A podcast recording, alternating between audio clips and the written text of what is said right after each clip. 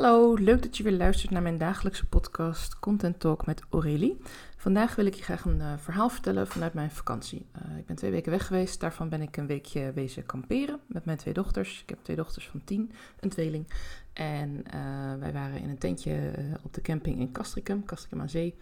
En we hadden echt een mooie camping gevonden, een mooi plekje ook. Uh, echt vlakbij het strand, dus was helemaal goed. Uh, alleen ja, het weer zat ons heel erg tegen. En ik weet, niet alleen ons, ik weet dat heel Nederland heeft gebaald van de eerste vakantieweken. Uh, want alle schoolkinderen zijn inmiddels wel met schoolvakantie. En dus ja, heel Nederland is of gevlucht naar warmere oorden of naar te warme oorden. Want ja, het gaat niet heel lekker in Europa. Maar goed, daar ging mijn verhaal niet over. Of zat net als ik op een camping in Nederland in de stromende regen. Met heel veel wind. En we hadden ook nog eens de pech dat ik uh, niet heel goed de informatie had doorgenomen van de camping. Uh, dus ik had de kleine lettertjes niet gelezen dat wij op een ander soort ondergrond stonden dan uh, eerder. Normaal gesproken stond ik op uh, grasgrond met aarde en nu stonden we dus op zandgrond. En daar heb je dus andere haringen voor nodig. zandharingen zijn dat. Het zijn grote houten haringen. En je hebt ook nog speciale platte metalen. Nou, daar ben ik de tweede avond dus achteraan gegaan om die te gaan halen. toen mijn buurman inmiddels voor de derde keer mijn tent opnieuw had vastgezet toen wij eventjes waren wandelen. kortom, het was echt een topvakantie. nee, het ging niet allemaal helemaal lekker, maar het was wel een hele mooie camping met hele leuke dingen voor kinderen. Alleen, ja, alle dingen die ze hadden voor kinderen, die waren uh, buiten. Uh, dus denk aan uh, allemaal klimdingen, denk aan roetsbanen, denk aan springkussen. ik kon veel ijsjes halen, waterspelen. Alleen ja, het regende eigenlijk gewoon 80% van de dag. En die 20% dat niet regende, lagen er plassen en was het viezig en plakkerig en modderig. En dan kunnen wij best wel wat hebben, want we gingen kamperen. Maar op een gegeven moment waren we het echt wel beu dat we alleen maar in die tent spelletjes konden doen of een boekje lezen. En we hadden ook niet echt het beste meubilair, want ja, je gaat kamperen, dus je neemt een vouwstoeltje mee of je ligt op je luchtbed. En ons idee was ook om dat s morgens te doen voor het ontbijt en s'avonds uitgeput in ons bed te storten, maar niet om daar de hele dag te gaan zitten. We hebben ook al pogingen gedaan om uh, naar het strand te gaan. Maar ja, het waaide zo verschrikkelijk hard dat uh, een van mijn kinderen uh, letterlijk wegwaaide. nou deed dat ook een klein beetje zelf. Maar goed, ze is niet zo heel zwaar. Dus dat was al met al wel een hoop gedoe. En een grote uitputtingsslag voor mij op een gegeven moment ook. Toen dacht ik, ja, is dit nou echt vakantie? Dus toen heb ik zelf de stekker eruit getrokken. En uh, we hebben echt wel een paar leuke dingen meegemaakt. Het is echt niet allemaal doom en gloom. Uh, we hebben echt wel gelachen. En uh, ik denk ook wel dat we nog vaker gaan kamperen. Alleen, ja, nu hebben we wel voorgenomen om dan niet meer vier maanden van tevoren of zes maanden van tevoren een plekje te boeken. Maar gewoon een week van tevoren. En dan zien we wel waar het schip strandt. En um, ja, we zijn ook naar de bioscoop geweest. Dat vind ik ook niet echt een uitje als je gaat kamperen. Maar het was wel heel erg leuk. Ook een leuke vriendin afgesproken. En ja, uiteindelijk heb ik wel een aantal dingen kunnen doen die op mijn lijstje stonden. Van wat wil ik deze vakantie doen? Ik wil mensen in de omgeving opzoeken. Ik wil naar het strand en uh, lekker relaxen en de hele dag niet aan mijn werk denken. Nou, dat is allemaal gelukt. Ik heb wel gedacht aan dat mijn tent weg kon blazen. Of dat alle spullen straks ergens een andere mans tent lagen. Omdat ze daarheen gewaaid waren. Dus ja, je snapt dat ik het op een gegeven moment een beetje beu was. En toen met hulp van mijn lieve ouders uh, de tent wilde gaan opruimen, wat eerder. Uh, dus ik was even naar uh, de receptie gelopen van, nou, wij willen graag morgen naar huis. Ik weet dat dat eerder is, want we zouden pas dan en dan gaan. Maar we gaan nu naar huis, want het wordt dit weekend ook weer heel erg slecht. En ja, het is allemaal gewoon niet helemaal zoals we het hadden bedacht. En we kunnen net zo goed thuis zitten als het regent. Oh, wat jammer. Nou, is goed. Oké, ik zet het in de computer. Nou, ik heb daar zeker 10 minuten staan wachten. Details gegeven, mijn e-mailadres, mijn naam, ik weet niet allemaal wat meer. Ze had de reservering gevonden, het plekje gevonden, nummer erbij. Ze zet erbij, oké, dan, dan gaan we weg. Ik zeg, kun je dan ook zorgen dat de slagboom open gaat? Want dat gedeelte van de camping is uh, alleen voor een beperkt aantal auto's. Alleen de auto's met een caravan, auto's met een tent mogen daar niet komen. Helemaal prima. Alleen de dag van aankomst en dag van vertrek. Nou, je voelt me aankomen. De volgende dag uh, met mijn ouders uh, erheen. Zij de auto parkeren, met de kinderen rustig naar de tent lopen. En ik uh, de auto leeggetrokken. En nou, dan ga ik nu mijn tent opvouwen en erin leggen. Maar nee, de slagboom ging niet open. Helaas pindakaas. ik vond het niet echt een heel handig systeem. Dus ik had ook niet gezien dat er een knopje zat of iets. Ik dacht, nou, het zal wel. Stond wel in beeld dat ik het was. dus ze hadden wel gezien dat mijn reservering was. Maar toch mocht ik niet de camping op. Dus ik ben weer teruggegaan, de auto weer neergezet en ik heb bij de receptie gevraagd van, goh, hoe zit dat? Waarop ik als antwoord krijg van, oh ja, dat is vervelend. Nou ja, je kunt gewoon op het knopje drukken en dan doen we de slagboom voor je open. Nee, nee, dat kunnen we hier niet aanpassen nu. En uh, nee, dat kan allemaal niet. Dus ik zat al van, oh, nou, gisteren heb ik hier ruim een kwartier gestaan. Maar oké, prima. We stappen weer in de auto, ik rijd er weer naartoe, ik druk op het knopje en ik overdrijf niet. Ik heb daar meer dan 10 minuten gestaan, wachten uh, totdat de mevrouw aan de telefoon mij geholpen heeft om mijn reservering aan te passen. En ik belde dus om het knopje in te drukken van de slagboom, zodat ik erdoor kon gaan. En inmiddels had ik ook een leuke file achter mij uh, laten ontstaan. Ja, daar heb ik me dan niet heel erg druk om gemaakt. Maar ik dacht, ja, hier kan ik nou echt helemaal niets aan doen. Ik kan moeilijk door die slagboom heen rijden.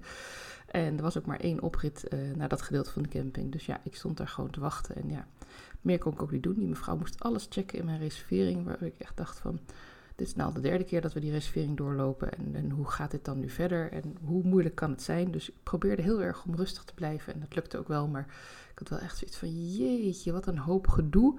Om iets heel simpels te doen. Namelijk om de auto aan de andere kant van die slagboom te krijgen. Zodat ik mijn tent erin kon gooien en alle andere troepen en huis kon rijden met de kids. En toen dacht ik, eigenlijk doen we dit ook wel vaak online. Eigenlijk zie je dit ook, en dat is dus de reden waarom ik dit verhaal nu deel met jou in mijn Content Talk podcast. We doen dit ook wel vaak op onze website. We doen het ook wel vaak als we een Molly-pagina hebben of ik gebruik zelf Kennisshop. Wanneer we allemaal stapjes ertussen gaan zetten, dan is het misschien niet zo dat jouw klant helemaal niks kan kopen of helemaal niet bij jou terecht kan, maar ze moet wel heel veel stapjes doorlopen om daar te komen. Wat is er mis mee om gewoon een betalink te zetten op je pagina of om gewoon direct als je een webshop hebt bij bijvoorbeeld Kennisshop, wat ik gebruik, dat heel fijn werkt, waar je ook tekst in kwijt kan over de diensten die je levert, uh, om gewoon direct daarna te linken. Ik doe dat nu wel. Ik ben gestopt met een soort tussensalespagina. Als ik uh, dingen wil verkopen vanuit mijn kennisshop-account, dan laat ik ook direct daar naartoe lopen. Zodat je ook gelijk daar het overzicht hebt van wat koop ik, wat is het resultaat dat ik krijg, hoeveel kost het, oké, waar kan ik mijn handtekening zetten, want we gaan nu gewoon verder. Nou, niet letterlijk je handtekening, je vult je e-mailadres in en je gaat een betaallijn door. Um, maar je begrijpt hopelijk wat ik bedoel haal al die extra stappen eruit. Want zeker op het moment dat iemand iets van jou wil kopen, dan is dat eigenlijk een keuze die niet, uh, ja, of het moet echt een, een flink groot bedrag zijn waar je echt wel een tijdje over na wil denken of zo. Maar zeker als je het hebt over een e-book, over een korte training, over een challenge, over iets wat gewoon niet super duur is, dan wil je eigenlijk dat iemand gewoon enthousiast is en gewoon ook direct actie kan ondernemen. Dan heb je de attention fase gehad, waarin iemand helemaal blij wordt van jouw uh, uh, product. Dan heb je de interesse opgewekt. Dan heb je ook gezorgd dat diegene het echt wil hebben. En vervolgens ga je naar de actie over. En dat kun je dan doen met een simpele druk op de knop. Vervolgens heeft die persoon alle informatie bij elkaar die zij nodig heeft voor dit proces. Dus ook niet allemaal extra dingen als, oh je kan dit ook doen of je kan het zus of zo. Als iemand in termijnen wil betalen en je kunt het heel makkelijk aanklikken, helemaal prima. Is dat iets wat lastig is, zet gewoon een regeltje tekst erbij. Van nou, als je in termijnen wil betalen, stuur me even een e-mail. Maak je pagina niet te ingewikkeld. Zorg niet voor allerlei technische moeilijkheden, waardoor iemand dus bij jouw slagboom blijft staan en denkt, ja, wil ik dit eigenlijk wel? Kijk, ik moest wel door die slagboom, ik wilde naar mijn tent toe en ik had echt geen zin om 25 kilo tent over dat hele terrein te gaan sjouwen. Het was toch een wandeling van uh, 10, 15 minuutjes uh, naar de auto. En uh, dat hoort een beetje bij kamperen. Alles is verlopen. Ook de wc kost ons vijf minuten. Als je nog twijfelt of kamperen iets voor je is, heb ik misschien niet de beste podcast om te luisteren. Misschien had ik dat mee moeten beginnen. Maar ik vond het wel heel erg leuk. En uh, ja, ik heb dan nog niet echt de allerbeste ervaringen ermee. Maar ik heb ook wel hele mooie campings gezien en leuke dingen meegemaakt. En het is ook wel heerlijk om s morgens voor je tent te kunnen zitten en je eerste kop thee of koffie te drinken. En gewoon ja, de natuur wakker te horen worden om je heen. Dat is wel heel gezellig. En, um, maar goed, even terug naar het onderwerp van de content. Dus als je het jezelf en ook daarmee je klant heel erg moeilijk gaat maken, dan kun je ze daar ook mee afschrikken. Wanneer je heel veel stapjes ertussen zet. Wanneer iemand eerst lid moet worden van jouw uh, online community. Wanneer iemand zich moet inschrijven voor een nieuwsbrief om iets met jou te kunnen doen. Laat dat gaan. Echt zorg dat die persoon jou eerst kan leren kennen. Misschien eerst een klein product bij je kan kopen. Uh, dat ze met jou in contact kan komen. Dat ze misschien een gratis kennismakingsgesprek. Maak het allemaal heel simpel. Uh, help die persoon ook. Begeleid deze persoon. Vertel ook wat de bedoeling is. Wanneer krijgt ze een mail van jou? Wat moet daar ongeveer in staan? Wat kan ze doen als ze de mail niet krijgt? Kan ze dan even ergens makkelijk een mailtje heen sturen? Gooi gewoon een e-mailadres daarvoor open. Jammer dan als er ook wat spam opkomt. Dat valt tegenwoordig wel mee. Echt, heel veel uh, e-mailsystemen zijn steeds beter beveiligd. Dus wees ook niet te bang om gewoon echt die stappen zo kort mogelijk te maken. Om echt te zeggen tegen je klant: hey, ik ben er om jou te helpen. Uh, in het begin nog eventjes met hoe je mij gaat bereiken en hoe je bij mijn uh, diensten komt. En dan straks ook echt met het probleem waarvoor je bij mij komt. Want op het moment dat ik al allerlei slagbomen door moet gaan om bij jou te komen, dan denk ik, ja, is het dan echt wel zo de moeite waard om daar ook heen te gaan? Want ik ken je misschien nog helemaal niet zo goed. Dus hou er rekening mee dat je je technische stappen ook echt niet al te uitgebreid maakt. En dat je iemand een beetje bij de hand neemt als het wel wat meer stappen kost. Ga ook niet vanuit dat mensen dom zijn of zo. Nee, mensen kennen jou nog niet. Mensen kennen jouw systeem nog niet. Niet iedereen heeft zin om overal op te gaan drukken en overal dingen te accepteren en aan te klikken. En oh, dat moet je daar doen en dan linksom, rechtsom. Test het gewoon. Vraag even iemand om ook een keer een proefaankoop te doen bij jou. Daarvoor kun je vaak zo'n 0% kortingscode doen. Dat iemand dus niet hoeft te betalen, maar wel de hele, uh, het hele proces kan doorlopen. Doe dat zelf ook een keer, maar vraag ook gewoon aan je buurman, je business buddy, iemand. En natuurlijk mag je het ook altijd mij vragen. Ik denk heel graag met je mee, ik kijk heel graag met je mee. Dan kijk ik ook gelijk naar je teksten van je salespagina. Dan kunnen we samen het proces doorlopen en gewoon even kritisch zeggen van... hey, klopt het allemaal wel? Gaat het allemaal goed? Het mailtje wat je hebt gemaakt, wordt het ook verzonden? Staat er ook de informatie in die jouw klant nodig heeft? Of heb je eigenlijk een heel verhaal eromheen nog? Waardoor ik denk, jeetje, dat was alleen een bevestiging van wat ik heb gekocht en wanneer ik ga beginnen... of hoe ik het moet downloaden of wat dan ook verder het product inhoudt of de dienst...